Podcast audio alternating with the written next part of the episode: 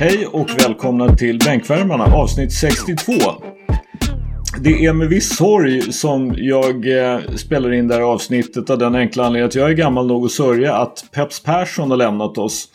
Peps Persson, 74 år gammal, en skånsk blues och reggae och musikman som ju knappast är den duden i svenskt musikliv, men ändå.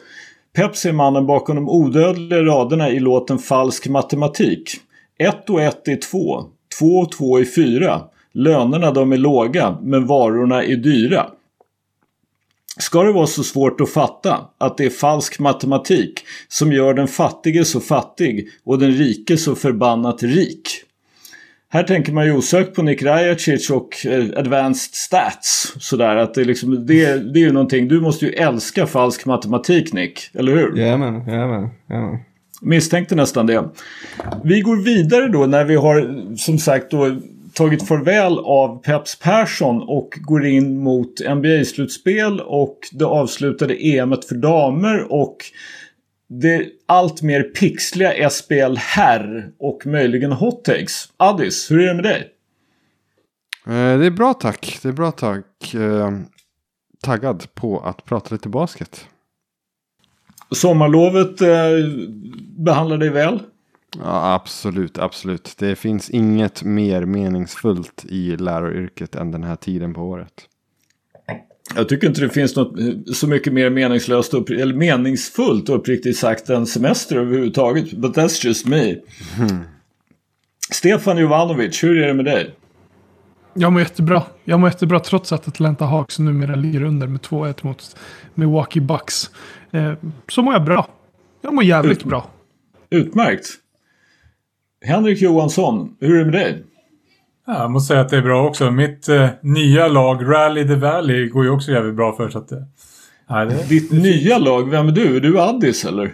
Ja, jag tänkte att jag gjorde en Addis och hoppade på någon bandwagon-variant. Även om jag hatar hashtaggen. Jag har ju försökt kolla med Addis lite nya hashtags men jag har fått mest bara att jag vill bli, få bli avmyggad. Alltså är, är det så enkelt som att du hoppade på, är det den uppenbara varför du hoppade på Phoenix Suns? Är det solcellerna? Nej, det går illa. Helt klart. Ja, ah, just checking. Nick Rajacic, hur är det med dig? Det är ganska dåligt. Uh, idag så skulle jag ta och näpa. Och jag drömde om att eh, jag var tennisspelare som gick till semifinal i Roland Garros. Uh, och jag var så jävla nöjd för det var liksom en chockgrej. En före detta basketspelare gör stor succé i Roland Garros. Och jag fick tips från Roger Federer liksom hur jag ska spela. Jag fick till och med hans rack. Han sa ju att tyngre rack är bättre om jag vill få bättre tryck på bollarna. Jag gjorde jättestor succé och sen när semifinalmatchen avbröts, för det var för sent eller något. Och jag kommer ihåg att du tänkte i drömmen, fan drömmer jag om det här eller är det verklighet? Det är lite för bra för att vara sant. så tänkte jag i drömmen, ja men jag går in och kollar på Aftonbladet, alltså jag är ändå världsnyhet nu liksom. En random dude går till semifinal och så går jag in på Aftonbladet så står det inget om mig. Och där och då inser jag att jag drömmer och så vaknar jag och fy fan vad less jag var! Fan vad jag hade velat vara sådär världskänd i alla fall i en, två dagar Men... Uh, inte den här gången. Inte den här gången.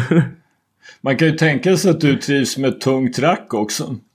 Ja, ja, jag gjorde faktiskt uh, jättesuccé. Jag stod oftast vid uh, baslinjen och liksom bara slaktade de här Sissipas och de här nötterna.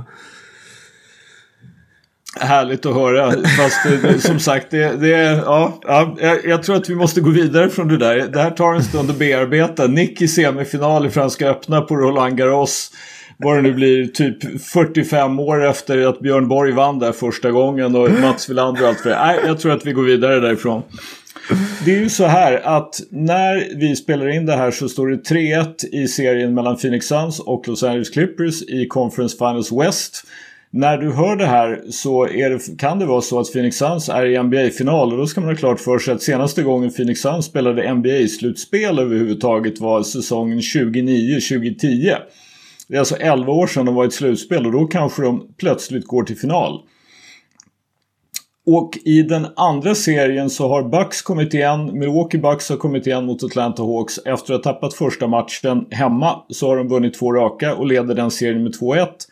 Och Trey Young har stukat foten genom att lyckas trampa snett när han sprang utanför banan och trampade på en domares fot. Så det är ju... Ja, jag vet inte vad man ska säga. Jag vet att det finns de som skulle påstå att det här är karma eftersom Trey Young är en av de absolut bästa på att fiska foul. Att det är en domare som skadar honom. Men ja, Stefan. Du har ju ridit... Eh, nej, fel av mig. Inte alls Stefan. Henrik Johansson, du har ju fått ett nytt favoritlag, Phoenix Suns. Vi börjar där. Phoenix Suns mot LA Clippers. Vad säger du om den serien? Alltså, det är ju en fruktansvärt jämn serie som... Nu har det inte varit speciellt välspelat. Eh, sen Booker tycker jag inte har varit samma sen han knäckte näsan. Ehm, Chris Paul, förståeligt att han inte spelar så bra nu när han har varit i, liksom i, bub alltså, i karantän. Men Precis, jag tycker... Health and Safety Protocols. Ja, alltså jag, jag, blir lite så här... Jag vet att det, det pratas ju fruktansvärt mycket nu om det här vi har skämtat om. Lewis anpassningar.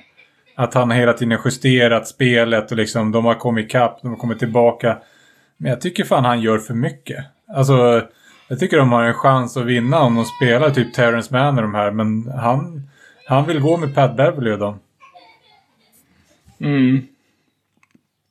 Jag är ju lite förvånad faktiskt över det här att han, han vi, vi tyckte ju om inte annat till sist att han faktiskt hade hittat något. Han hade hittat fem man som spelade bra ihop. Och sen så höll han ihop det och gjorde det i, mot Utah Jazz. Och sen så då mot Phoenix Suns så tyckte han tydligen inte alls att han har hittat fem man som spelar bra ihop. Eh, min, min växande lilla favorit, jag har ju gillat Nicolas Batum länge men han är ju plötsligt liksom nere på 16 minuter per match. Ja, och där, han verkar Han spelade 40-42 när de slog ut Utah. Det är inte enkelt att begripa även om jag också fattar att eh, en konferensfinal är matchup-beroende, men ja. Alltså någonstans har man ju fastnat i det här med Pat Bev nu och ger honom en massa cred, vilket han ska också ha för hur han jagar Booker och sånt. Men jag tycker ändå att det skulle ge mer offensivt och totalt sett om de spelar Batum eller Man istället för Pat Beverly. Alltså den totala produkten. De skulle få ett bättre offens med de två än vad de skulle få med Pat Beverly. Men eh, jag hoppas att de inte upptäcker det. Mm, mm. Eh, det är kanske lite lättare ändå att förstå att Lou vill spela i Vitsa Subac. Med tanke på att Phoenix Suns har DeAndre Ayton som ju faktiskt har varit fantastiskt bra hela slutspelet egentligen. Att det liksom kanske är svårt att... Här är en stor spelare som de inte riktigt klarar av att eh, spela small ball mot. Eller vad säger du Addis? Jag zonade ut, jag hörde inte vad du sa. Nej, jag bara sa det att det är ju, apropå Lus anpassningar så gav han ju mm. i senaste matchen slagfesten som slutade 84-80 till Suns. Alltså då, då ska man veta det att inget lag har vunnit den här säsongen tidigare på att göra 84 poäng. Mm. Men Suns vann alltså en konferensfinal på det och då spelade ju då Subats spelade ju då 40 minuter och har förvisso 13 poäng och 14 returer. Men Aiton har 19 poäng och 22 returer och fyra blockar. Mm. Ja, och det är väl, alltså han har ju spelat, eh, visst, visst är det rätt att han har spelat Zoo mycket mer i den här serien än, än eh, serien My mot... Eh, mycket. Ja, här har han ja. ju i princip övergivit small ball. Ja, exakt. Ja, och det är det jag undrar, alltså vad är effekten av det ens? Det känns ju inte som att det spelar så jättestor roll för hur Aiton spelar, eller? Alltså jag tycker inte att det känns som att liksom, ja, Zoo har fått, eh, ja, utan Zoo på planen hade Aiton gjort liksom, vadå, 40 poäng eller någonting. Det tror jag inte liksom. Jag är helt med dig där. Mm. Jag, jag, tycker att det, det är så här, ja men Aiton dödar oss, därför måste jag ha Zubars. Aiton mm. dödar dem, även mm. fast Zubars är på plan. Mm, jag tror att det är, det är lättare att göra Subas ospelbar alla Gobert om han är tvungen att stå ute på perimetern snarare än att han får ha eh, mm. sub, hålla Subac. Sen har mm. Subac gjort jättebra matcher. Alltså det är ju inget snack. Men någonstans så är det... Aiton blir fruktansvärt effektiv när han får vara nära korgen sådär. Och när han får... Det mesta han gör poäng på det är rulla och fånga nära korgen. Lite offensiva mm. returer och sånt. Mm. Mm. mm. Nej men exakt det är ju alltså så att eh, Subar spelade i princip ingenting mot Utah till sist när han gick, när Lou gick till small ball. Nu då mot Phoenix Suns så spelar han ju över 31 minuter per match.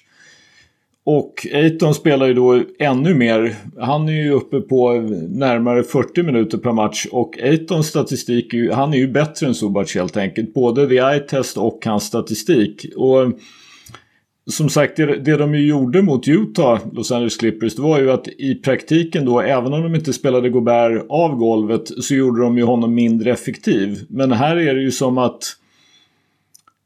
Ja, de, lå, de låter Aiton vara lite bättre än, än Subats helt enkelt. Jag vet mm. inte riktigt hur, han, hur, hur Tyron Lue tänker där egentligen. Har du en åsikt i det ärendet Nick? Uh, min åsikt här är först och främst att uh, uh, så som det ser ut nu, hade, det, hade jag fått välja en center i NBA så hade jag valt Jokic, sen hade jag valt uh, Embiid och sen hade jag valt Aiton. Men du fick ju bara välja en.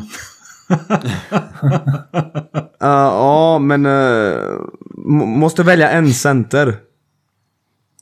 Då tar du Jokic. Ja, såklart. Herregud, ja. Mm. Men, men jag tycker ändå att Aitons aktier har ökat något så otroligt. Alltså jag vill först börja med att säga så här. Uh, Clippers, de... Uh, jag redan nämnde här, jag tycker att skjuta som ett lag 43% på tre poäng under ett slutspel som de har gjort fram till de här sista två matcherna. Alltså jag faktiskt, det är något jag går runt och tänker på. 43% ett helt lag. Alltså det är nästan omänskligt, förstår du vad jag menar? Alltså, du befinner dig ändå på ett visst avstånd. Den här bollen, det är bara en och två tredjedelar av bollen som kan få plats i korgen. Hur fan kan ett helt lag Alltså, för mig är det fucking ofattbart. Men i alla fall, det har varit så skönt att se dem missa de senaste två matcherna. Framförallt förra matchen att jag såg den här sista matchen igen på kvällen bara för att se dem missa alla de här avsluten. Det var så jävla skönt. Alltså jag är så sjukt trött på att se Clippers sätta fett tuffa trepoängare. Uh, och uh, jag hoppas att Phoenix Suns går vidare. Jag tycker faktiskt att Suns är det klart bästa laget i NBA. Uh, deras rollfördelning, nu har de faktiskt tre legit stjärnor. De har bänkspelare som kan tillföra och så vidare. Så jag hoppas verkligen de går hela vägen. Men vi vet hur det brukar vara med Chris Paul. Det kommer hända något nu. Han kommer skada sig eller så kommer han bli avstängd eller något kommer hända. Vi vet ju det. Alltså det är bara tidsfråga så.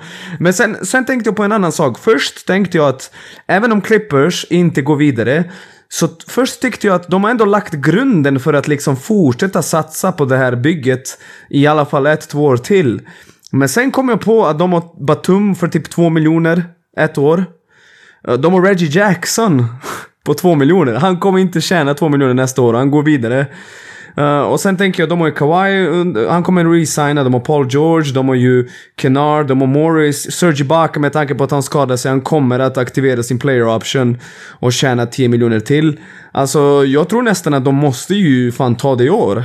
Jag vet inte riktigt hur de ska bygga lagen nästa år, för nu har de faktiskt fått sjukt mycket av Batum och Reggie Jackson. Alltså hade någon sagt till oss inför säsongen, ja Batum kommer vara pålitlig startspelare i, i ett lag som går djupt i slutspelet och Reggie Jackson kommer förvandlas till Michael Jordan. Jag tror inte någon av, er, och, någon av oss hade trott på det.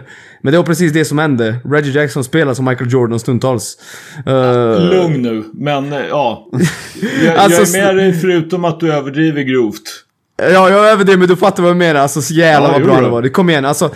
Hur många jo, gånger får de, får de ingenting, han spelar en mot en och så sätter han till backup, step back trepoängare. Alltså det är otroligt frustrerande för motståndarna, det måste ju vara det. Men i alla fall, Phoenix Suns, let's go, Clippers, det är över och... Uh, ja, shoutout till DeAndre Ayton, han har utvecklats jättemycket. Tyvärr nås vi av beskedet att eh, Stefan Jovanovic har fått tekniska problem och han är out som Kawhi Leonard ungefär. Han kommer inte att komma tillbaka det här avsnittet. Han har fått uppkopplingsproblem och låter som ungefär som man tänker sig en pixlad bild av Jämtland Basket. Ni kan tänka er själva. Så vi får släppa honom för idag. Och vi släpper också Suns Clippers och avvaktar helt enkelt vad som händer med dem om de går till conference eller om de går till final eller om det blir en Game 6. Vi återkommer med den. Men vi går då vidare till Milwaukee Bucks mot Atlanta Hawks. Nick, du får börja. Egentligen skulle ju Stefan, vår resident Hawks-fan, egentligen fått börja med den här. Men, men eh, du får ta det här. Bucks Hawks, vad har du att säga om det? Men nej, jag vet inte vad jag ska säga förutom att jag är ledsen allihopa ni som gillar Atlanta Hawks. Jag tycker inte att Atlanta Hawks ska vara ett topp 4-lag. Jag är ledsen, jag tycker att Trae Young har utvecklats något så banalt faktiskt. Alltså det är löjligt hur bra han har blivit. Och jag tycker att de har något bra på gång, men vad fan gör de i Conference Finals? Vad fan gör Tony Snell inne på plan och Solomon Hill? Alltså helt ärligt, det är ju för fan värre än Eat One More. Nej det är det inte, men jag tycker inte... Eller just det förresten. Är det såg värre ni... än Jeff Teague? Ja, ja, såg ni Abdel Nader var inne på plan för Phoenix? ja, ja. Man bara what the fuck? Han ska ju spela för fan för Ludwigsburg i Tyskland. Han ska inte spela liksom minuter i en conference finals. Nej men jag, jag har sagt Bucks in five och jag tror fortfarande de kommer ta det i fem matcher. Även fast Atlanta gör ett jättebra jobb. Och återigen, jag tycker att de har ljus framtid. Jag tycker bara att jag, jag är ganska säker att Milwaukee tar det här, för de är ju bara så mycket bättre som lag.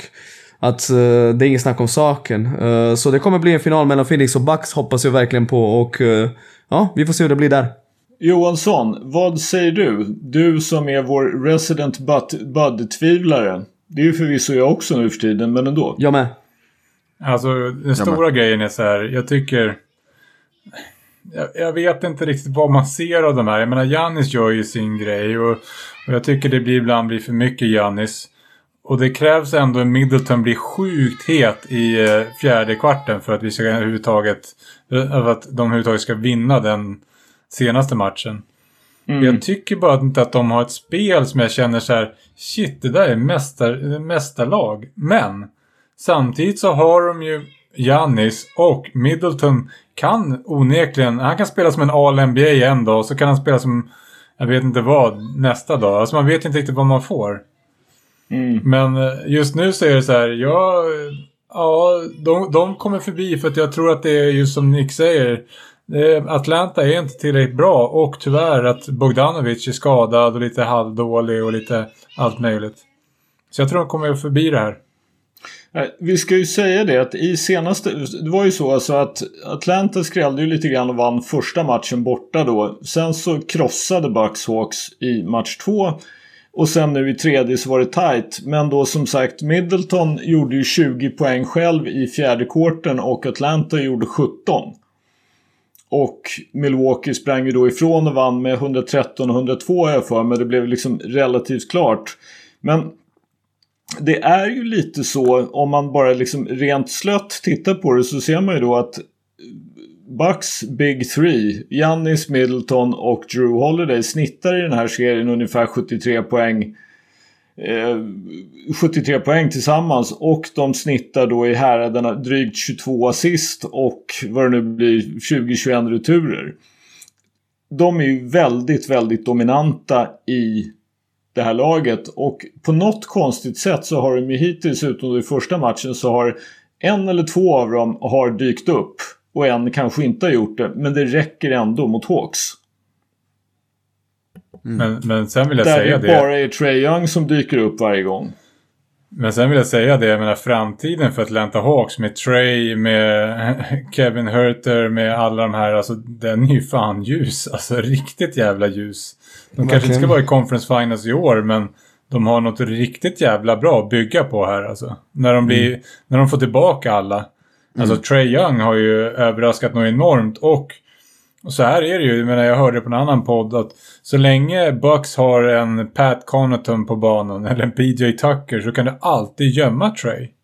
Och så länge inte mm. Bud lyckas involvera honom till mycket defense, då blir det så här. Jag menar, man borde kunna få att Trey konstant tvingas byta till att ha Middleton på sig eller Janis på sig eller någonting. Men mm. de, de lyckas fan inte. Jag ser ju bara ett problem. Avviker lite grann härifrån från själva finalen och så pratar vi om, eftersom vi har pratat om falsk matematik och fattiga och rika och sånt där i Peps ära. Så är det ju så att 21-22 så har du alltså ungefär 60 miljoner för Atlanta Hawks upplåsta i Danilo Gallinari, Bogdan Bogdanovic och Clint, Cap äh, Clint Capella. Och då har du situationen att Trey Young spelar sitt sista år på så att säga sin, sin rookie och är ju då extension eligible. De kan ge honom ett nytt kontrakt. Sen kommer, sen kommer Kevin Hurter i samma situation. Han är också draftad samma år. John Collins måste de ta ställning till redan nu. För hans, honom måste de ju då liksom ge ett qualifying offer och låta honom bli restricted free agent eller komma överens med honom. Han nobbade ju en förlängning på vad var det Nick? Någonstans trodde vi herren 20-25 miljoner om året för fyra år. Det nobbade ju han. Det var typ sådär fem år, 100 miljoner eller något sånt. Ja, någon, Någon... någonting i den härden. Ja, ja. Jag, tror att de, jag tror att de bara gav honom fyra år faktiskt. Men, men strunt samma. Det är ju liksom, så de är ju lite grann i en contract squeeze. För sen efter de här så kommer ju då också DeAndre Hunter och Cam Reddish och liksom. Det, det är många som ska ha kontrakt. De sitter ju lite grann i Memphis Grizzlies situationen. De har, de har låst upp 60 miljoner på tre veteraner i Bogdanovic, Gallinari och Capella. Och så har de fyra, fem rookies eller vad man ska kalla dem för på väg uppåt som ska ha extensions. Så ja, vi får väl se hur Atlanta löser det där. Hur, mycket, hur djupt är de beredda att gå i, i, i luxury tax. Men återgå till, eh, återgå till själva liksom, konferensfinalen då. Vad säger Addis? Nej, men alltså den, den har gått lite som jag trodde. Alltså att Janis kommer att dominera och det har han gjort. Alltså total dominans. Jag tror han över serien är uppe i något så här ja, 31, 11, 6 assister typ eller någonting. Och sen ja, Trey Young kommer att straffa dig. Han har ju spelat ganska bra men Bucks är för bra för dem. Det är för stor liksom skillnad på talangen. De är liksom något år för tidigt. Men som du säger, jag tror inte heller att det blir superlätt för Bucksen att bygga kring det här. De behöver typ skeppa Gallo i så fall. Frigöra lite mm. pengar. Eh, mm. För att kunna bygga eh, ordentligt kring dem. Men de har ju jättemånga bra vingar som kommer. Hunter kommer ju komma tillbaka och sådär till nästa år. Så att de ligger ju något steg före. De kanske inte ska vara i en conference-final redan nu. Mm. Men, men, men det är ju jätteduktigt av dem att vara det såklart. Alltså jag, jag, tror inte kanske de kan signa någon, men jag tror att Säg att Collins kommer resigna, då kommer han ändå ha en hygglig siffra. Han plus någon ung kille. Då kan jag tänka mig att någon kan skicka en tillräckligt bra spelare för att ändå höja kvaliteten och vara näst bästa liran mm. i deras lag. Mm. Mm. Alltså någonstans ska man hitta den. Att man har Capella, man har Trey, man har Gallo. Eh, eller man kan till och med skicka Bogdanovic och en ung kille. Mm. Alltså någonstans så tror jag att man kan hitta den där ett kliv upp. Av någon ja. som hittar en, en liksom... Ja, för det behövs någon som är lite ett ytterligare steg. För just nu är det Trey och sen är det ett hopp och sen är det massa på en bra nivå. Exakt. Man behöver någon till som är nära Trey. Mm. Jag håller med. Men mm. vad tycker ni man ska göra med Capella på sikt, sikt då? Ska man ha kvar honom? Ja. Ja. Han hjälper ju Trae Young mycket, precis som han hjälpte James Harden liksom. Det är mm. en sån här stor snubbe som fångar allihop. Han är så jävla värdefull alltså. Även fast centra är inte poppisar längre så behöver du en sån snubbe. Det är nyckeln till deras anfall. Mm. Mm. Men Draymond Green, Draymond Green blir free agent, så där har ja. ni andra stjärnan. Han är ju en av mm. NBAs bästa försvarare och väldigt smart. Han gör de här små saker som inte syns i statsen. Ja, Men alltså, en, en sak som jag tyckte var intressant med det där, det var ju faktiskt att i den här, i den här senaste matchen så var det ju som att båda coacherna bestämde sig för att jag tyckte inte att det var liksom någon som spelade Brook Lopez av golvet och ingen som spelade Capella av golvet. Men de spelade mindre än någonsin i den här i, i liksom, så att säga vad de hade gjort tidigare i den här serien. Och det är ju faktiskt så att Capella var alltså plus 11 på 27 minuter och hade bara tre foul. 8 mm. poäng och 11 returer. Och så skeppar han honom. Han var i och för sig 0 för 4 från, eh, från straffkastlinjen. Och det, det kan jag ju förstå, liksom, det är ett problem. Men han var plus 11. Alla andra, utom då Kevin Herter, är ju faktiskt rejält back i det här. Så han, liksom, vad, vad tänkte Macmillan där? Vad, liksom, han satte in Gallinari och Gallinari har ju då 18 poäng och vad det nu är för någonting. Men Gallinari är minus fucking 18 på sina 36 mm. minuter. Varför lirade han inte Capella? Bucks ja, kunde ju lira Bobby Portis. Ja. Portis plus 17 liksom. Ja, jag tycker Capella är värdefull och det finns ett värde i en sån. Jag menar, det är bara att titta nu. Nu har vi både Suns och Hawks i Conference Finals med en rolling big som inte kan stretcha golvet typ. Alltså, och för Atlanta, för mig så är det du, du dubblar upp lite när du har Gallo och John Collins. Alltså visst, mm. Collins kan rulla mer mot ringen men någonstans så är det en fyra som kan skapa lite sitt eget skott och så vidare. Kan stretcha golvet lite så är det typ samma med Gallo och John Collins för mig. Mm. Och därför skulle jag skick, skick, alltså skicka John Collins för någonting. Försöka få någonting för honom. Ja. Mm. Mm. Det kanske är vägen att gå. Uh, nu var ju i senaste matchen, jag tycker Collins har varit riktigt bra faktiskt. Men kanske inte riktigt att han är på den nivån att han är en conference-finalists näst bästa spelare än. Men han fick ju faktiskt sitta en hel del senast också, men det berodde ju på fallproblem. Han har ju fem foul. Mm. Men så liksom, de, han, han dumpar både, han tvingas dumpa Collins och så dumpar han Capella och så lirar han Gallo istället. Och alltså, hur, hur det än är med Gallo, ja han ger det en del offensivt men han har inte mycket att säga till om defensivt. Inte mot Bucks i alla fall. Nej. Alltså, jag, jag är för small ball om du har, som Clippers har, de har duktiga lirare på perimetern som kan ta över. Alltså, ska du spela small ball någonstans med Atlanta, då är det ju som Nick säger, då är det Solomon Hill och grabbarna. Alltså, mm.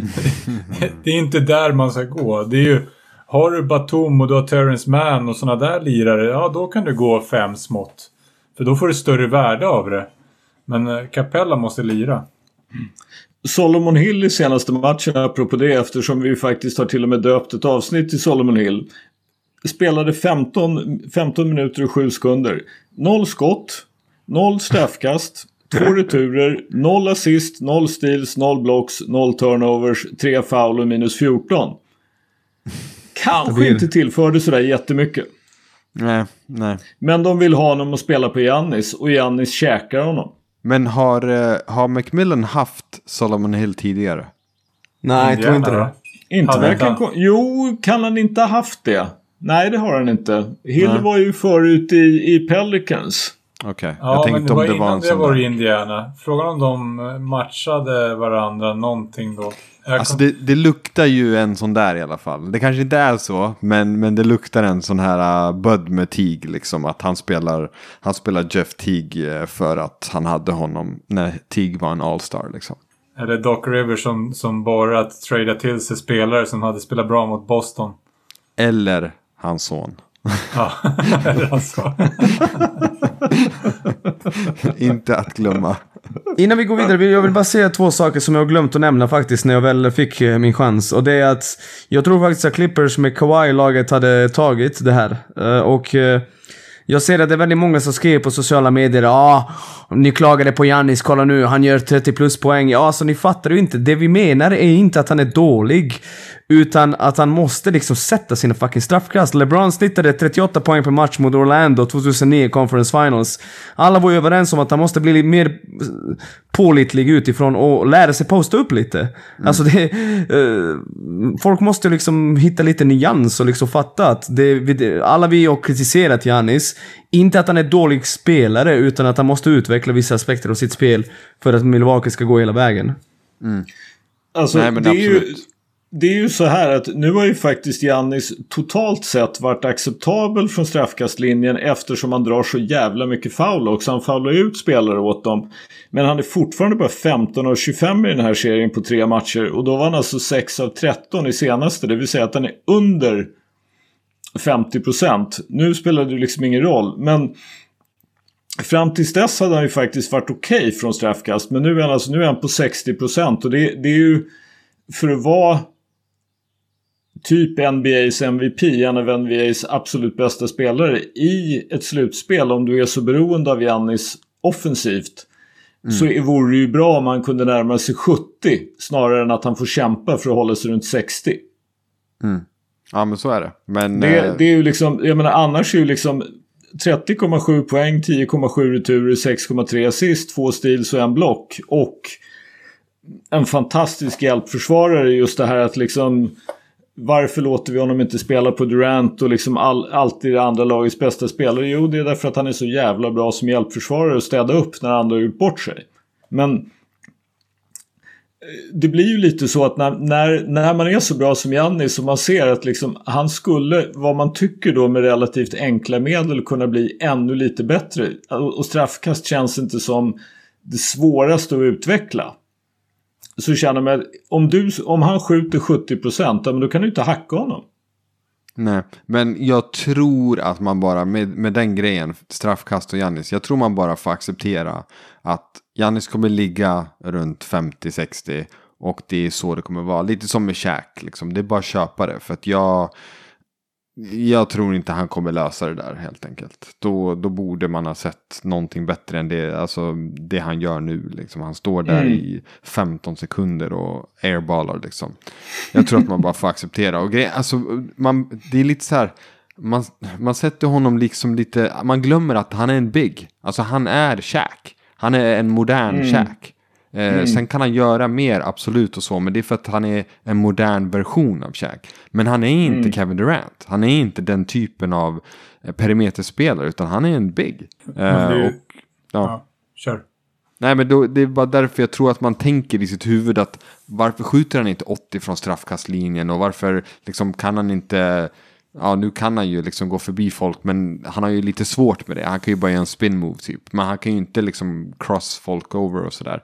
För att man tänker att han borde kunna det, men det är, kanske är orimligt med tanke på vad han är för typ av spelare egentligen. Men det är ju det som är mitt problem. Det är ju inte straffkasten. Det är ju det att han tar på sig alldeles för mycket. Han skulle spela mer som en modern big. Mm. Och inte behöva göra det här. Ja, när han tar ut bollen och börjar studsa och ska göra massa crossovers och alltihopa från toppen. Alltså mm. jag avskyr det. Jag tycker det är så jävla... Alltså man, man jag vet inte. Det jag tycker om han skulle någonstans klina upp sitt liksom, shot selection då skulle han vara ostoppbar. Mm, mm. Och det är det jag irriterar mig på mest. Och då sån här, när han går in i treor. Han behöver ja. inte ta dem. Visst, han kan ta set shots när det är en kickout till någonting. Men att det, han ska liksom, jag vet inte. Det är det som får mig någonstans att bara så här. Ge bollen till någon annan då. Och så tar du, sätter en pick och rullar. Alltså. Ja, jag tycker han ska spela mer som fast en big. Här känner ju jag faktiskt att här finns ju en anledning till att de, tycker jag, då spelar lite bättre. I den här, i den här konferensfinalen så har de spelat tre matcher. Jannis har skjutit sju treor. Alltså mot Brooklyn sköt han ju typ åtta treor eller vad det nu var i en match. Ja, han har cleanat upp det där lite grann. Ja. Han snittade över fyra treor per match mot Brooklyn och sköt 8 för 31. Nu är han då mm. sämre procent men han är bara en för sju. Han har ju liksom gett upp det där lite grann och låter då Middleton och Holiday och Pat Connaughton skjuta treorna. Mm. Han har ju hejdat sig lite grann faktiskt. Han mm. skjuter ändå 60% från golvet. Mm, mm. Det är rätt okej. Okay. Ja, ja. Oh, ja. Och han har inte ton med turnovers heller på sina sex assist. Ja. Nej, vi, ja. vi, går vidare, vi går vidare. Vi går vidare. Vi ser mycket fram emot den final som ska bli oberoende vilka lag som, som tar sig dit. Vi hade ju också då, vi har ju noterat här att det är ryktas eller vad man ska säga, det, det, är väl förmodligen så gott som klart men det är ännu inte påskrivet av olika skäl att Chauncey Billups som ju vann NBA-titeln med, eh, med Detroit Pistons 2004 och Jason Kidd är klara som nya headcoacher för Portland Trailblazers respektive Dallas Mavericks. Och där har det ju blivit lite strul i Portland och det har blivit en hel del liksom snack i Dallas Mavericks också. Jag tror att du har lite bättre koll kanske på det här med Billups och Portland, Addis. Ja, nej men precis. Alltså att eh, av det som har rapporterats i alla fall så verkar det vara eh, så gott som klart att Billups kommer landa i eh, Portland. Och detta efter att ja, Lillard någonstans ska ha godkänt det eller någon form av liksom eh, lagt sin röst på antingen honom eller Kid. Då. Kid verk, det verkade ju som till och med att det var Kid han egentligen ville ha. Men att Kid då drog tillbaka sin, eh, sitt intresse. Eller ja, han valde ju bort Portland av det som har mm. rapporterats. Mm. Eh, så att det verkar ju som att Billups kommer eh, landa i Portland och eh, jag tycker nog att det är en, jag tycker att det är ganska spännande. Alltså Och, och vad jag hörde så är det femårskontrakt. Har ni också sett det? Mm, det är mm. jävligt, ja inte jättevanligt kanske att man låser upp. Jag tänker på eh, när Pacers signade Björk Björkgren, vad heter han, Björkgren. Mm, eh, så var, var väl typ två år eller någonting så här. Hans mm. första headcoach. Och man kickade så, honom efter ett. Ja, exakt. Han eh, varade knappt ett år till och med. Men mm. eh, så jag, jag, tror att det här det är ganska spännande ändå. Och eftersom att Lillard är eh, liksom på det tåget. I alla fall eh, egentligen då. Sen har det blivit lite problem där. Eh, med att folk har reagerat på det och så eftersom att Billups har, har någon form av bakgrund. Eh, jag vill inte säga för mycket, jag kan alldeles för lite om det. Men att det har hänt någonting tidigare. Som då... Eh... Ja, men ryk, ryktesvis är det ju så att Chauncey Billups, jag tror att det var 1997 om jag har fattat det hela rätt, så ska han ju ha blivit anklagad för någonting som liksom var alltså sexual assault, det vill säga någon form av alltså sexuellt övergrepp. Men att det kom ju aldrig till någon domstol. Sen har ju då Chauncey Billups, det var ju när han var spelare. Sen har han haft en lång och framgångsrik NBA-karriär som spelare. Och sen har han ju då varit både eh, analytiker på tv, alltså color commentator på tv och då nu är han ju assistant coach i Clippers. Det är ju lite märkligt att man, alltså jag har ingen uppfattning om det här och det är väl 100% självklart att liksom någon som om vi visste att Chauncey Billups hade begått ett sexuellt övergrepp så skulle vi liksom tycka att det är klart att han inte ska ha liksom ett headcoachingjobb i NBA. Det är klart att han inte ska sitta och prata NBA på, på tv på någon av de stora kanalerna. Men det här är ändå 25 år sedan och han har varit anställd sedan dess överallt, både av klubbar och av tv. Någon måste ju ha dragit slutsatsen att ja, det är svårt för oss att döma Chauncey Billups utan att ha mer på fötter. Sen kan man liksom, och det är ju lite märkligt då att just Portland Trailblazers att det plötsligt blir ett problem nu, nästan 25 år senare. Och att Dame Lillard hamnar i någon slags eh, crossfire på grund av att han då ryktesvis har sagt att eh, han tycker att det är helt okej okay med både Chauncey Billups och Jason Kidd som är dömd för, om jag inte helt missminner mig, domestic abuse. Det vill säga att han på ett eller annat sätt fysiskt eller psykiskt har misshandlat sin fru. Mm. Ja, jag, jag tycker att det är dags för Dame att gå vidare. Jag har sagt till er många gånger tidigare, alla de här superstjärnorna eh, vars klubbar visar tydligt att de inte vet hur de ska bygga ett vinnande lag. Det är bara att dra därifrån. Och jag, vet, jag ser att det är väldigt många som kritiserar Luka Doncic och Zion Williamson bland andra. För att oh, de har så mycket makt och deras liksom uh, agenter och familj klagar och de hotar med att de ska dra. Jättebra! Perfekt, det är precis det jag vill se. Till alla kommande superstjärnor som lyssnar på bänkvärmarna, och det gör väl alla, mm. eller hur? Mm. Uh, jag, jag säger så här.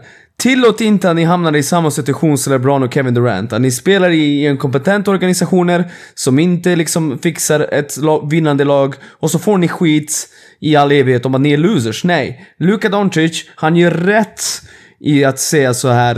Uh, det finns, uh, eller hinta, det finns möjlighet att han drar.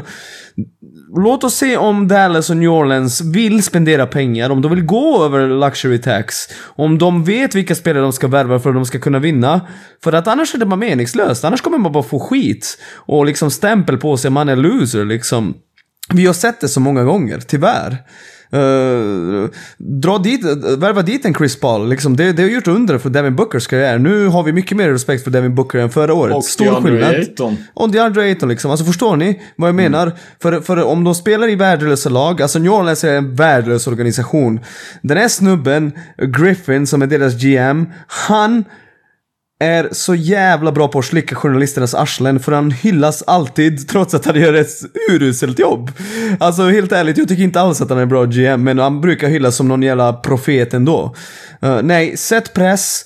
Kan inte fixa ett lag, jag kräver en trade. It is what it is. Det är dagens liksom NBA. Vi, jag köper faktiskt deras inställning. Eller håller ni med mig? Eller är ni oroliga över utvecklingen? Jag, jag håller med. Nej, alltså, jag är med. Jag håller helt med. Jag tycker... Alltså, det, kan... det, det, som väl är problemet, jag säger inte emot som så, men det som väl är problemet är är Luka Doncic kompetent nog och hans folk liksom kompetent nog att avgöra vad som är en bra organisation och vad som inte är det? Ja, för jag vet varför. För det, de, det han har omkring sig nu är skit. Förstår du? Det, så pass kompetenta måste de ändå vara att se att det laget de har nu och att de tradar liksom Curry för Richardson och allt det där. Det är ju bara... Och, och liksom, vad, har de som beslutsfattare nu? De har en snubbe som är en gambler och så har de en ny snubbe som är skoförsäljare. Alltså, va, va, hur vet vi att de kommer fixa det där vinnande laget som liksom kommer att utmana om guldet varje år? Jag är inte säker. Alltså hela Dallas är ju en jävla soppa just nu. Alltså tittar du på dels att Carlisle lämnar, alltså ganska tydligt eftersom att han vet att han kommer vara, få problem. Exakt. Luka gillar assistant coachen Mosley för att han ska kunna bli head coach. De går ut och vill ha Jason Kidd. Carlisle släpper den nyheten bara för att jävlas med dem känns som på en presskonferens. Mm. Och sen så två dagar senare, vad händer? Jo, Mosley lämnar. Så killen som är mest nära med Luka lämnar. Alltså någonstans så sköter de det här som en jävla, jag vet inte vad. Men Stökigt. det är någonting som inte är rätt i Dallas Mavericks just nu känns som. Nej, så det är liksom...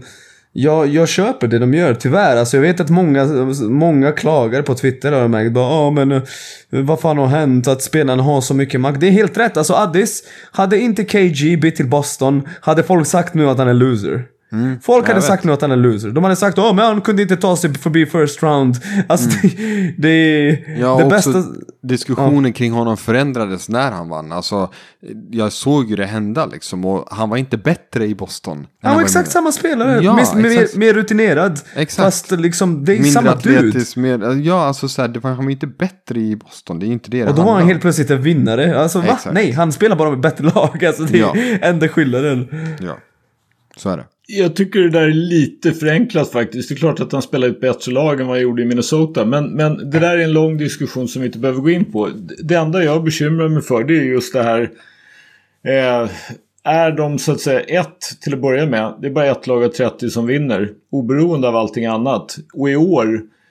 Konstig säsong, absolut. Men liksom, vi skulle ju faktiskt kunna se en säsong där Phoenix Suns, som det ser ut just nu, ingen jätteskräll om de tar hem det här. Det var det inte många som hade inför säsongen. Nej. Ja, fast vi får inte glömma att jag fattar vad du menar Skölden och du har rätt. Men jävla vilken tur med andra spelare skador. Alltså det är helt... Fan, alltså fattar du? Det är inte hållbart. Tror du att Phoenix Suns, om alla är friska, går hela vägen? Jag tror inte de tar sig förbi Lakers. Nej, jag tror och, Lakers slår dem. Jag tror också det. Och, liksom, och då ser vi här och snackar om att liksom, ja, men Chris Paul förtjänar inte det där. Alltså, eh, Vissa lag är bara liksom byggda och går långt hela tiden. Förstår du vad jag menar? Golden State nästa år när Clay Thompson är tillbaka, spelar ingen roll vad de har omkring sig. De kommer vara ett hot. De kommer mm. kunna gå hela vägen om allt, haffar, om, om allt klickar. Men jag är inte säker att Phoenix gör det. Jag älskar det, hur de spelar och allt det där. Men du fattar vad jag menar. Alltså, mm. Du måste bygga också ett lag som, som är hållbart i längden. Mm. Jag nu, ja, alltså som sagt, nu, nu hamnade vi lite vid sidan av den här, den här diskussionen. Men Phoenix har ju ändå någonting bra på gång oberoende av allting annat. Och man fattade ett jävligt bra beslut med att ta in Chris Paul. Verkligen, verkligen. Och de har gjort mycket rätt. De har gjort mycket rätt liksom. Mm. Tänk att de anställde Monty Williams. Monty sparkades ju för att Alvin Gentry skulle ta honom i, i New Orleans. Alltså, mm. god damn it. Alltså, de har ju liksom kastat tärningen och vunnit. Och kul för dem. Mm. Nåväl, vi lämnar NBA för den här gången. Och då är det ju så att Sverige gjorde ju ett på många sätt och vis bra EM. Slog Italien sensationellt nog och gick till kvartsfinal. Sen förlorade man då den sista matchen och kom åtta i EM och sen dess har vi då nåtts av beskedet att Frida Eldebrink och Kalis Lloyd definitivt ska lägga av i landslaget medan Elin Eldebrink tvivlar lite lite grann och kanske tvekar och funderar på om hon ska vara med och spela. Och då är det ju så att jag kommer inte ihåg, är Kalis också född 88 eller? Hon är 89. Frida och Elin Eldebrink i alla fall, okej. Okay. Frida och Elin Eldebrink i alla fall födda 1988 och har i princip spelat landslagsbasket sedan 2014 varje sommar med undantag för 2015 då man missade EM. Det 2017 lite... missade vi. 2015 var ja, vi med. Förlåt, 2000, 2015 var vi med. 2017 missade vi. Så det var en sommar då vi inte spelade landslagsbasket. Annars har det varit landslagsbasket och en eh, framgångsrik klubblagskarriär vid sidan av. Är man 33 behöver man börja ta hand om sin kropp på ett sätt som, som ja, kanske inte riktigt hänger ihop med att spela klubblagsbasket från september till maj och sen gå rakt in i en landslagsbubbla. Eh, så där, där, det är ju bara att konstatera att Frida och Elin Eldebrink är två av våra absolut främsta spelare vi någonsin haft. Punkt slut. Kalis har också varit, haft en fantastisk karriär men inte riktigt på, på Frida och Elins nivå i, i liksom längd och vad hon åstadkommit varken i, i landslag eller klubblag. Men vilken jävla förlust för svensk landslagsbasket med Frida och Elin och Kalis borta samtidigt. Eller vad säger du Nick? Alltså, först måste jag säga alla de här tre spelarna, även om Elin lägger ner, alltså jag vet inte, ibland är jag faktiskt mållös. Framförallt systern Eldebring då. Men även Kalis, alltså Kalis har varit vår jämnaste spelare fram till den här mm. turneringen. Nu var hon upp och ner. Och det var liksom konstigt att se. Bara, vad händer? Varför är inte mm. Kalis jämn? Men eh, Frida och Elin, eh, vad ska man säga? Man är mållös. Två, två statyer utanför Täljehallen och då, då skulle det kännas bättre. Men det, det stora problemet där är faktiskt att vi inte har någon ersättare där. Så liksom i Gotham så har du Batman och Robin, eller hur? Och de uh, bekämpar brottslighet och så vidare. Och liksom man förväntar sig att om Batman lägger ner att Robin tar över. Men uh, vi har ingen Robin. Alltså Elin, Elin och Frida har varit Batman och Robin och nu ska helt plötsligt Klara Lundqvist och liksom Frida Järn ta över. De är ju Alfred. De vet inte hur man bekämpar uh, liksom brottslighet. hur ska vi liksom... Hur ska vi... Vi kommer inte kunna hamna i topp 8 på ett bra tag. Jag, jag tvivlar inte på att de löser att liksom spela eh, jämnt med många länder. Men topp 8 kan vi glömma och det är oroväckande. Och jag vill bara säga en till sak. Jag är inte tusen procent säker att vi har sett det sista av Frida Eldebrink. Alltså, eh, jag är bara inte det. För att det där nästa OS är ju 2024. Det är ju ganska nära. Det är ju typ två och ett halvt år. Vi har ett jävligt bra lag. Alltså jävligt bra lag om alla är med. Jag respekterar hennes beslut. och jag förstår liksom, hon har verkligen gett allt för landslaget hon, hon är inte skyldig oss någonting. Men jag säger så här, jag är inte tusen procent säker att det är det sista. För det laget är riktigt bra när alla är med. Och nästa OS är där. Och liksom, ja. Jag kan se det liksom längst bort eh, över horisonten. Så, ja. Det var det. mm, mm. Alltså jag tycker så här, det någonstans, vissa saker saknar man inte först de är borta. Jag tror att svenska landslaget kommer sakna de här tre. Eh, något fruktansvärt mycket. Även om, om jag kan uttrycka ibland så här. Fan, jag tycker att med alla de som vi säger Nick, alla de duktiga spelarna eh, som vi har ändå totalt sett i Sverige så borde vi kanske lyckas med någonting lite till. Eh, nu vet jag att vi inte haft alla på plats och sånt där men vår lägsta nivå har varit fruktansvärt hög tack vare äldrebrinkarna. Och det kommer vi faktiskt sakna. Jag tror att många kommer liksom sätta förväntningarna ändå ungefär samma och sen bara inse att jävlar, vi, vi saknar dem där. Um, så all respekt till enorm, enorma eh, landslagskarriärer. Jag tycker det är allting från att man såg liksom uh, VM-finalen när de spelade. Vad var det? Var det junior eller 2007 U19-VM. U19-VM. Alltså när den sändes på SVT så var det skithäftigt. Och hela sedan dess har man ju följt någonstans resan i landslaget och det har varit skithäftigt. Tänk, tänk att vi har liksom tre gånger sedan 2013 hamnat i topp 8 i Europa. Det här laget Exakt. har överpresterat uh, liksom förväntningar, de har överpresterat liksom resurserna som uh, satsas på svensk basket. Alltså förstår ni, vi ska inte vara topp 8 i Europa, vi ska inte ens vara nära egentligen. När man tittar liksom på antal spelare liksom och tillgänglighet till hallar och liksom hur stor sporten är och så vidare. Vi Bra är coacher. inte topp 8 bra coacher. Vi är inte topp 8, men vi har haft en otrolig generation som ordnade liksom och man är så stolt över allt de har gjort och återigen, man är typ mållös. Uh, man vet inte vad man ska säga liksom, men uh, det kommer, bli, det kommer bli, precis som du säger Johan, så det kommer bli jävligt svårt. mm. uh, utan de här spelarna. Det kommer bli riktigt jävla tufft. Precis, det är chock. Det blir en chock. Det kan bli lite knepigt, men det ska faktiskt, jag, jag, ser ändå lite grann fram emot. Man ser ju några så här som får en att känna ett visst hopp ändå. Det kanske är helt, liksom totalt naivt, men alltså Emma Johansson 17 bast. Matilda Ek tycker jag 19 bast. Har spelat enormt liksom bra i, i basketligan. Hon hade ju ingen stor roll nu i EM. Vi får väl se vad Klara Lundqvist kan göra. För henne måste man ju förmodligen ge nycklarna. Det måste man. Och så får vi se då vad som händer med, med Reagan McGarity och Amanda Sawi. Lolo Halvarsson är född 1989 och är 32. Eh, oberoende av hur, hur det blir liksom med hennes närvaro i landslaget framgent så är ju, hon är ju inte... Hon är kanske inte en som kan bära landslaget. Framförallt inte om man har både Saui och eh, Reagan McGarity. Så vi, det, men det ska bli, jag, jag, är lite intresserad ändå av att se hur det blir det här. Det var roligt med Emma Johansson. Det, och Matilda Ek tyckte jag såg väldigt, väldigt bra ut. Framförallt då i, i SBL och inte minst i finalen och är bara 19 bast. Det kan, det kan bli lite roligt ändå. Det, eller det ska bli roligt att se. Sen tror jag ju inte tror jag precis som du Nick att ersätta Frida och Elin Eldebrink det, det låter sig ju inte bara göras hur enkelt som helst. Det blir ruggigt knepigt. Du, Nästa punkt. Innan, ja, vi, innan vi lämnar dam-EM och så. Eh, hur går det med eh, de här video bevisen då på det här, på den här Céline Demerck-faulen och allt det där. Video? Vad är ja. du för boomer egentligen Addis? Video? Ja, men... Det är DVD för fan. DVD. när, när vi ses i IRL kommer jag ha med mig en DVD på Sverige-Frankrike 2013 kvartsfinalen. Och vi kommer att sitta och spola den fram och tillbaka i slow motion hjälpta av Johansson solceller. Och så ska ni få se på fan. Så blir det med det. Jag har den framme, den är redo. Okej, okay, okej, okay, okej. Okay. Sen, sen får vi väl ägna ett helt hyllningsavsnitt åt någon. Jag vet inte vem. Den som spelade in DVDn eller Céline Merck eller vem fan det nu blir. Hur vi bär oss åt. Men, men eh, vi ska se på valda delar av den där DVDn snart. I promise. Perfekt.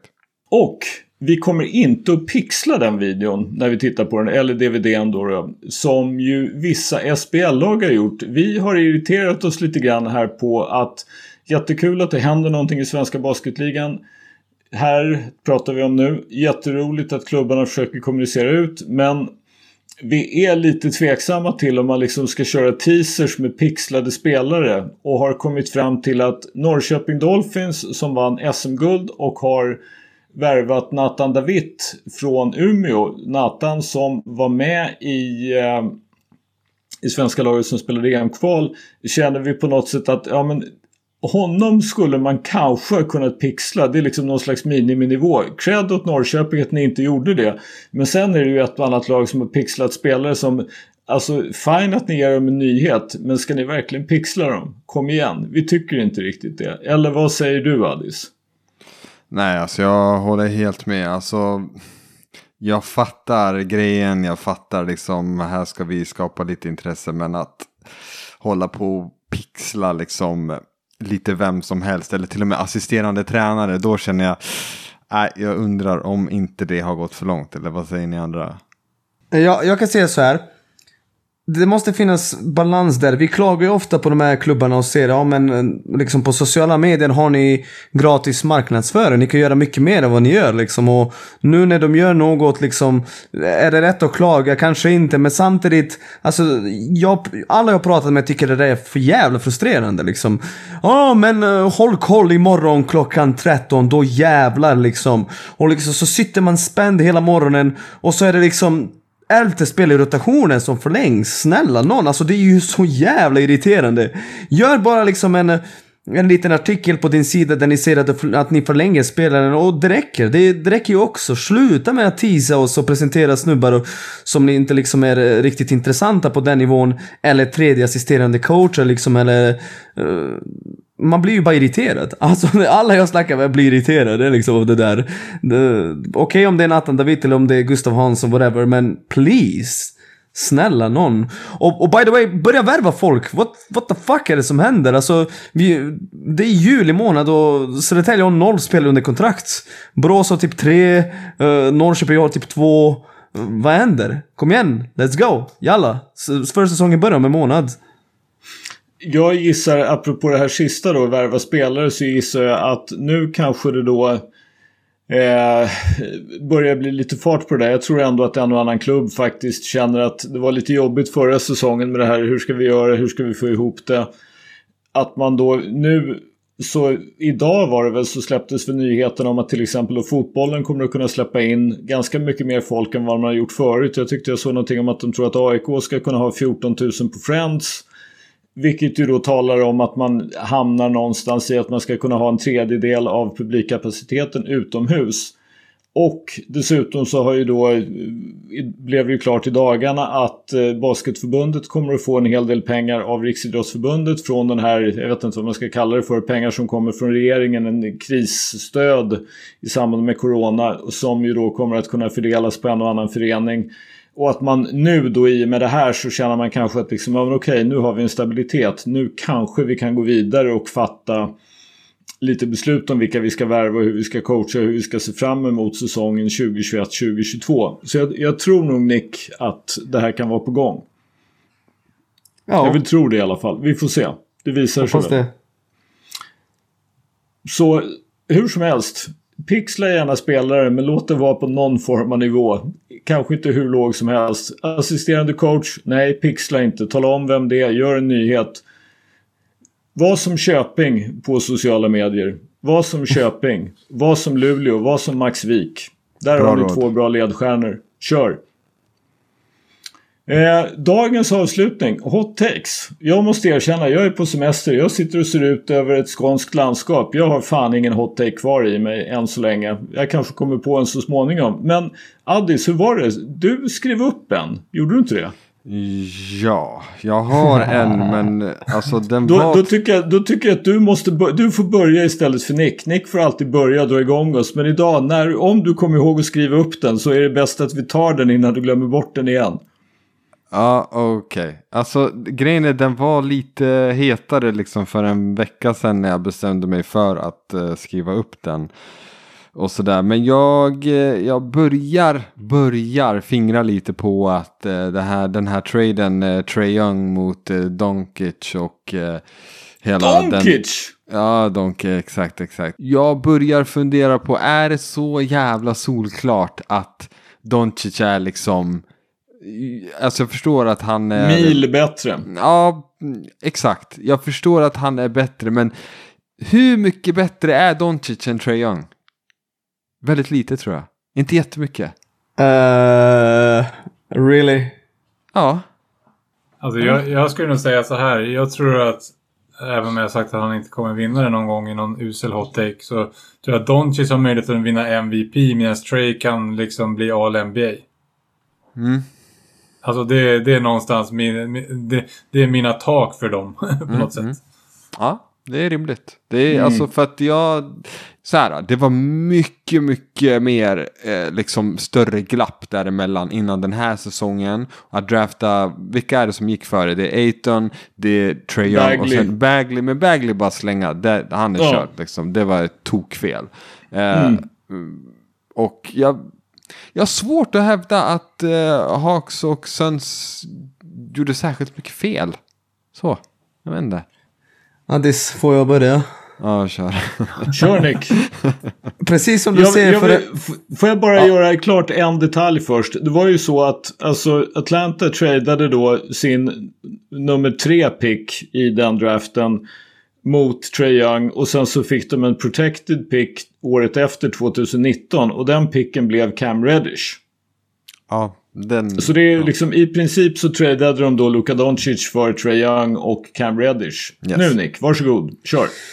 Alltså, för någon vecka sedan eller för någon dag sedan, jag vet inte, tweetade jag att liksom uh, man den här traden som Atlanta-Dallas gjorde, man kan fortfarande tycka att Atlanta gjorde fel även fast Trae Young är bra. Och då sa jag liksom att Luka Doncic är Michael Jordan och liksom Trae Young är Kevin McHale. Och Jordan var jävligt bra men det var McHale också. Men det är klart att Jordan är bättre. Och jag tycker ändå att Trae Young har visat att han, är, att han Ja, Kevin Mahale är kanske inte rätt jämförelse. Jag skulle kanske kunna jämföra honom med typ, eh, jag vet inte, Isaiah Thomas typ. Alltså, han är riktigt, riktigt, riktigt jävla bra. Han har utvecklats något så otroligt och hans floaters är historiskt bra och så vidare.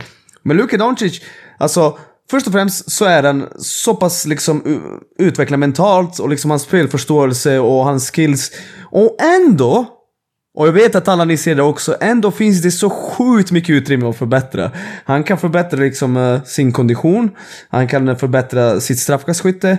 Han skulle lätt kunna förbättra sitt trepoängsprocent också. Alltså den här killen, jag tycker inte alls att han har ens börjat scratcha på sin topp. Uh, han kan bli mycket bättre. Hur mycket bättre det här kan Trae Young bli? Jag vet inte. Uh, kanske att han snittar typ 35 poäng per match någon säsong. Jag tror inte att det kommer hända, men det är väl det som är nästa steg för honom. Jag är en smurf, jag vet trodde jag var en smurf, jag förstår alla andra smurfar. Det finns ett visst tak uh, man kommer till liksom när det kommer till att utvecklas. Liksom. Och skjuter man inte samma procent som Steph Curry från tre så, liksom, så kan man inte gå uh, så långt som Luka Doncic som är liksom 2,03 och har otroligt många vapen i sin repertoar. Och Luka Doncic skulle kunna bli en riktigt bra försvarare. Det kan inte Trae Young bli bara för att han är så liten och smal. Fattar ni vad jag menar? Jag tycker fortfarande att Dallas vann den traden med stor marginal. Men jag har mycket respekt för det Trae Young gör och DeAndre Ayton. Mm. Ja, men alltså det är rimligt. Alltså jag bara... Jag såg en större skillnad innan nu år. Mycket större skillnad. Äh, med Ayton, alltså kanske framför allt. Det var ju helt sjukt. Alltså han, mm. han såg ut som en... Inte en produktiv inte spelare. Inte number one pick. Nej, verkligen inte. Men uh, jag vet inte, jag tycker att traden, tänk om Cam Reddish var bra. Det är ju, det är ju snarare det. Han är ju inte det dock. Nej, nej, jag vet, jag vet. I'm just saying att så här. Han är jävligt hur... obra till och med. Ja, nej, han är, han är inte så bra. Men uh, ja, det var min, jag undrar bara, Trey Young, ja, på sikt, det blir intressant att se hur de utvecklas. För att det finns det här som du säger Nick, att ja, skitmycket potential fortfarande i Doncic. Han skulle kunna eh, straffkastskyttet, han är nere på typ 73 procent och allt det där. Eh, och jag håller med. Men eh, man skulle också kunna vända på det. Jag säger inte att det kommer bli så här, men man skulle kunna vända på det och säga så här. Det här är en kille som har spelat professionellt sedan han var 15 år. Eh, hur mycket mer finns det för honom att lära sig? Alltså han bör vara längre fram mentalt på basketplanen än vad Trey Young till exempel är. Förstår du hur jag menar? Mm, mm. Alltså att han, han har fått lära sig sedan han var 15 år, spelat med vuxna eh, och gått igenom allt det där, det lipet som Trey Young gör nu, det han lär sig nu, det kan Doncic redan. Så. Men, alltså, ja, jag är det jag är nyfiken på med Doncic, det är det här jag vet inte hur bra det är att han är så jävligt dominant i sitt lag just nu. Alltså, mm. för att någonstans så tänker jag att om, om han ska ha ett lag som går långt så kommer han behöva ha bollen mindre men vara mer effektiv. Mm. Alltså, jag vet inte hur bra det är att han har en, liksom så här, vad var det han hade? En, eh, vad kallar man det här när man, usage rate över ja. 40. Mm. Alltså då pratar vi Westbrook Harden och det, det brukar inte ofta sluta så jävla bra. Men vad ska ni göra? Alltså det, det, jag tror Nej, faktiskt att Luka... just nu så kan han ju inte göra. Han Exakt, inte han, han är så pass smart att hade det funnits bättre alternativ, jag är 100% säker att han har släppt bollen. Jag, jag, han känns ja. inte alls som en snubbe som jagar stats. Det kommer faktiskt ganska naturligt för honom, allt det där. Men vad ska han göra? Ska han ge bollen till Richardson? Eller ska han ge bollen till... Uh... Nej, men det finns en risk när man är i en kultur en längre tid att det kan fastna mm. på en. Mm, alltså, jag, jag, säger inte att det är ett problem nu, för att han måste göra... För att hans...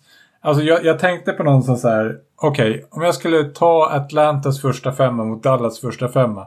Är det någon position jag ärligt hade tagit Dallas spelare över Atlantas första femma? Uh, uh, uh, uh. Porzingis i teorin Doncic liksom. då förstås. Ja, alltså, om vi tar Doncic och Trey. De är ju typ point guards båda två. Och sen startar det fyra andra killar. Skulle mm. ni ta, alltså det är så här Bogdanovic mot uh, Tim Hardaway. Ja, Bogdanovic. Men, ja, men ja, fast den är ganska tight. Där, Alla dagar i veckan. Alla dagar i veckan. Okej, okay. senast som start. Alltså, om vi säger, om vi säger vet du, Kliba eller uh, Collins. Ja, uh, Collins. Collins. Kleba! Nej, men Kliba. Vad hallå, vad är det som pågår just nu? ja. Kom igen. Ja. Nej men det är det jag menar. Alltså det, han har ju ett kastlag. Så jag menar, jag förstår att Doncic behöver göra det. Ja. Men det finns en risk om han är för länge i den kulturen. Att han kan fastna i det. Absolut. Ja, men, men eh, så här också att jag tror att på det vi säger nu, Carlisle till exempel, Carlisle och eh, Porzingis till exempel, de hade nog haft invändningar och sagt att det är Doncic fel. Är du med? Ja, ja. Alltså Ja. för att eh, det, det, av allt att döma så är det ju en konflikt mellan Doncic och Carlisle som gör att Carlisle slutar, eller hur? Ja. Det är så jag tolkar det. Alltså jag kan inte Ja. tolka det på annat sätt. Eh, och jag vet inte om han skulle hålla med om att så här, ja, Doncic måste spela så här. Jag tror inte han ville att han skulle spela så. Men sen säger jag inte att det är rätt eller fel. Jag bara säger att jag tror inte Carlisle ville det. Men ja, I don't know. Nej, vi får se. Ja, Kid, Hur, Kid hur löser som det helst, min, min, noll hot take av mig. Doncic kan vara i bättre form när säsongen börjar. Det kan vi väl vara eniga om. Japp. Nick, ta oss vidare. Och du får fan i mig nog också ta oss i mål. För jag känner att jag är tom idag på någonting som ens liknar en hot take. Johansson kanske skräller efter dig, men kör. Jag twittrade ut igår att jag undrar om Portland skulle säga nej om, om Denver erbjöd Jamal Murray för Damian Lillard och eh, jag fick inte så många svar men de som svarade skrev nej. De skulle inte säga, de, de skulle nog tacka nej. Liksom för att det är för lite. Eh, Jag är inte säker på det. Jag tror faktiskt att om Dame Lillard säger så här, jag vill bort härifrån. Det sänker ju hans trade-värde direkt och vi vet att det är på G. Alltså, det, sådana här situationer brukar nästan aldrig vända. Uh, så jag tror faktiskt att en trade mellan Jamal Murray och något mer för att matcha lönerna för Damien Lillard är fullt rimlig för båda lagen och uh, han är 90 liksom, han har ju två, tre år till. Jag skulle vilja säga att Denver gör den moven, för snart måste de göra något med sina assets. De har ju bra assets, många vill ha Porter, många gillar Murray. Det är dags att bli av med en av de här två och bygga den här riktiga title contendern. Det är min hot take att Portland, att Denver ska göra det där och Portland ska tacka ja. Vad tycker ni? Eh, jag tror att du hade behövt slänga in och pix i så fall. Sen knäskadan är ju inte här, alltså om han var helt frisk, alltså liksom in på nästa säsong så. Men jag gillar Murray, så att jag vet inte. Men, men jag skulle vilja ha något pix också om jag var Portland i alla fall. Och, och jag har en till hot take. Jag har en till hot take. Nu i efterhand. Är den här traden som Houston Rockets gjorde den sämsta traden i uh, USAs sporthistoria de senaste typ 30 åren? Vilken trade? De gav bort Harden för ingenting. Ja, katastrof. Nej, alltså på riktigt. De fick ju ingenting. Det var ju Ja. som vi konstaterade att det här var nog en ännu sämre trade än, än den OKC gjorde. Ja. Ja, den OKC gjorde jämfört med det här, det var ju fan fullträff. Och då tyckte jag ändå att det var typ katastrofal trade. De fick ju ingenting! Nej. Alltså, ni vet, fram till två månader sen så var jag övertygad att Spencer Dinwiddie var i Houston. för att jag tänkte, de måste ju fått något. Det kan ju för fan inte bara vara värdelösa picks.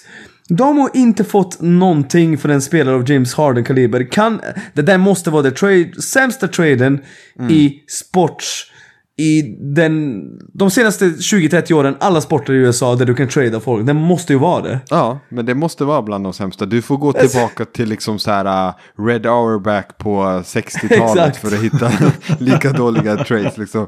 Fick Bill Russell för en, så här, påse nötter typ. Och.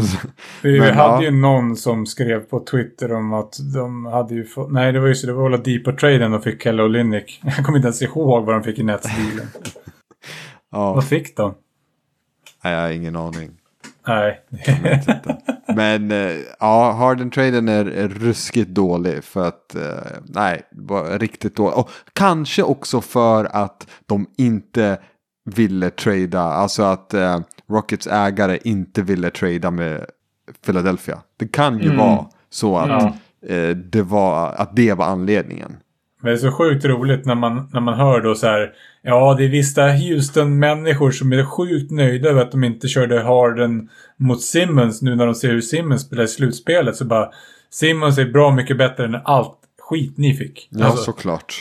Ni hade varit fortfarande bra jävla mycket bättre med en kass Simmons än det ni fick. Ni, ha- ni hade haft en teoretisk på slutspel. Ja. Nej. Nej. Ja, nej som sagt. Där, där gjorde Houston bort sig. Det, det, det är tydligen väldigt, väldigt svårt att trada James Harden och, gö- och trada bort honom. Då går man på en mina. Både Herregud, Oklahoma alltså. City och eh, Houston Rockets gick på en riktig jävla mina.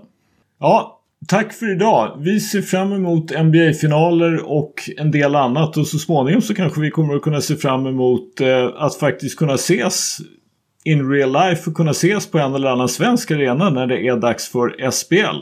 Avsnitt 62 är ditt. Ha det bra, hej då! Ciao! Ciao!